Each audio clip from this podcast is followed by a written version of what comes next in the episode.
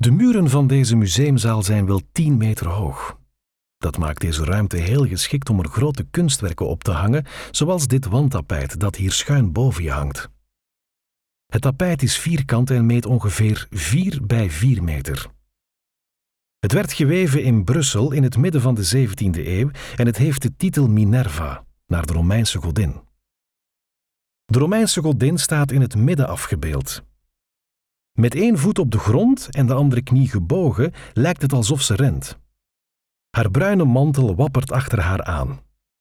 Strijdvaardig houdt ze haar rechterarm voor zich uit en met in haar hand een lans waarvan ze de punt naar beneden houdt. Rond diezelfde arm draagt ze ook nog een schild. Minerva kijkt schuin over haar rechterschouder naar achteren. Daar zijn vier mannen afgebeeld. De mannen lijken ontredderd. Twee van hen strekken hun armen uit naar de hemel en de andere houdt beschermend zijn elleboog voor zijn gezicht. De vierde man duikt weg en houdt zijn twee handen boven zijn hoofd.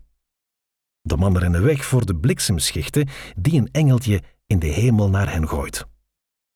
Rechts vooraan op het tapijt, vlak naast Minerva, staat een jonge vrouw.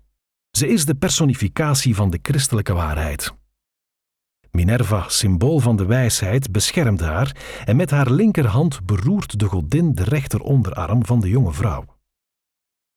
In tegenstelling tot het strijderstenu van Minerva draagt de waarheid een lang, tweedelig gewaad van soepele stof.